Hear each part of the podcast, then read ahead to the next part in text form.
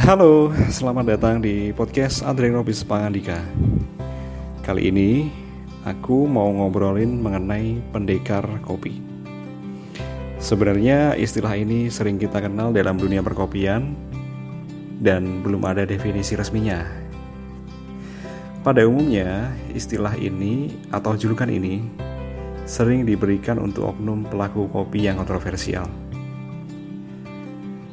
Biasanya oknum ini mendatangi kedai-kedai kopi untuk menguji wawasan dan kemampuan barista kafe tersebut.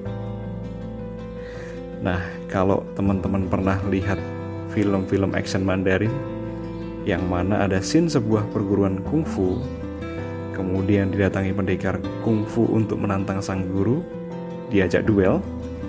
Nah, bayangan lucunya itu kayak gitu.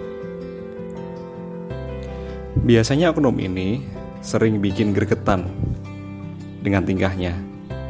Semisal datang ke sebuah kafe, nyeduh sendiri, mengomentari teknik seduhan barista kafe itu, dan kadang cenderung mendikte baristanya. Terkesan barbar sih. Tapi apakah sebenarnya pendekar tersebut semenjengkelkan itu? Ataukah persepsi seperti ini hanya dari dari satu sudut pandang saja? Percayalah bahwa aku adalah mantan pendekar kopi. Yap, pendekar kopi. Kalau menurutku, pendekar kopi hanyalah sebuah fase dari proses pembelajaran. Coba kita lihat dari sudut pandang lain. Mari bayangkan Dulu kita semasa kecil, bagaimana rasanya ketika kita pertama kali dapat mainan baru. Betapa senangnya dan selalu ingin tahu mengenai mainan itu, yang sampai-sampai kita lupa hal lainnya. Atau bayangkan bulan pertama setelah pacaran, betapa semuanya indah kan? Nah, seperti itulah yang aku rasakan pada fase itu. Di fase itu, aku merasa paling tahu apa itu kopi. Merasa paling enak seduhannya. Paling dekat dengan kopi.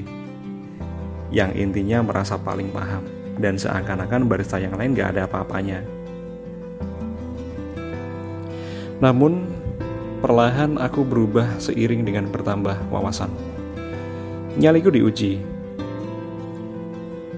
Saat ada perlombaan kopi, dan aku merasa tertantang. Setelah mengikuti perlombaan-perlombaan kopi, bukannya menang, tapi gagal berkali-kali. Di saat gagal itulah aku merasa ilmuku belum seberapa dan masih banyak yang belum aku tahu. Lalu, kenapa perlombaan kopi mampu merubah mindsetku? Karena untuk mengikuti perlombaan perlu untuk mempersiapkan diri dengan cara banyak membaca dan mengamati.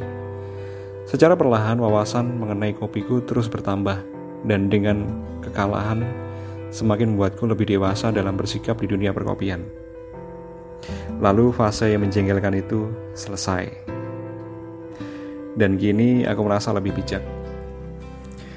Setidaknya itu dari sudut pandangku.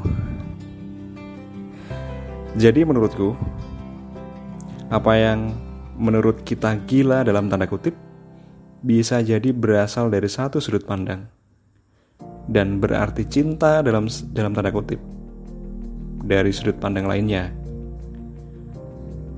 Begitulah aku membicarakan pendekar kopi. Kalau menurut kalian gimana? Terima kasih sudah dengerin podcast ini dan sampai jumpa di podcast selanjutnya. Dadah.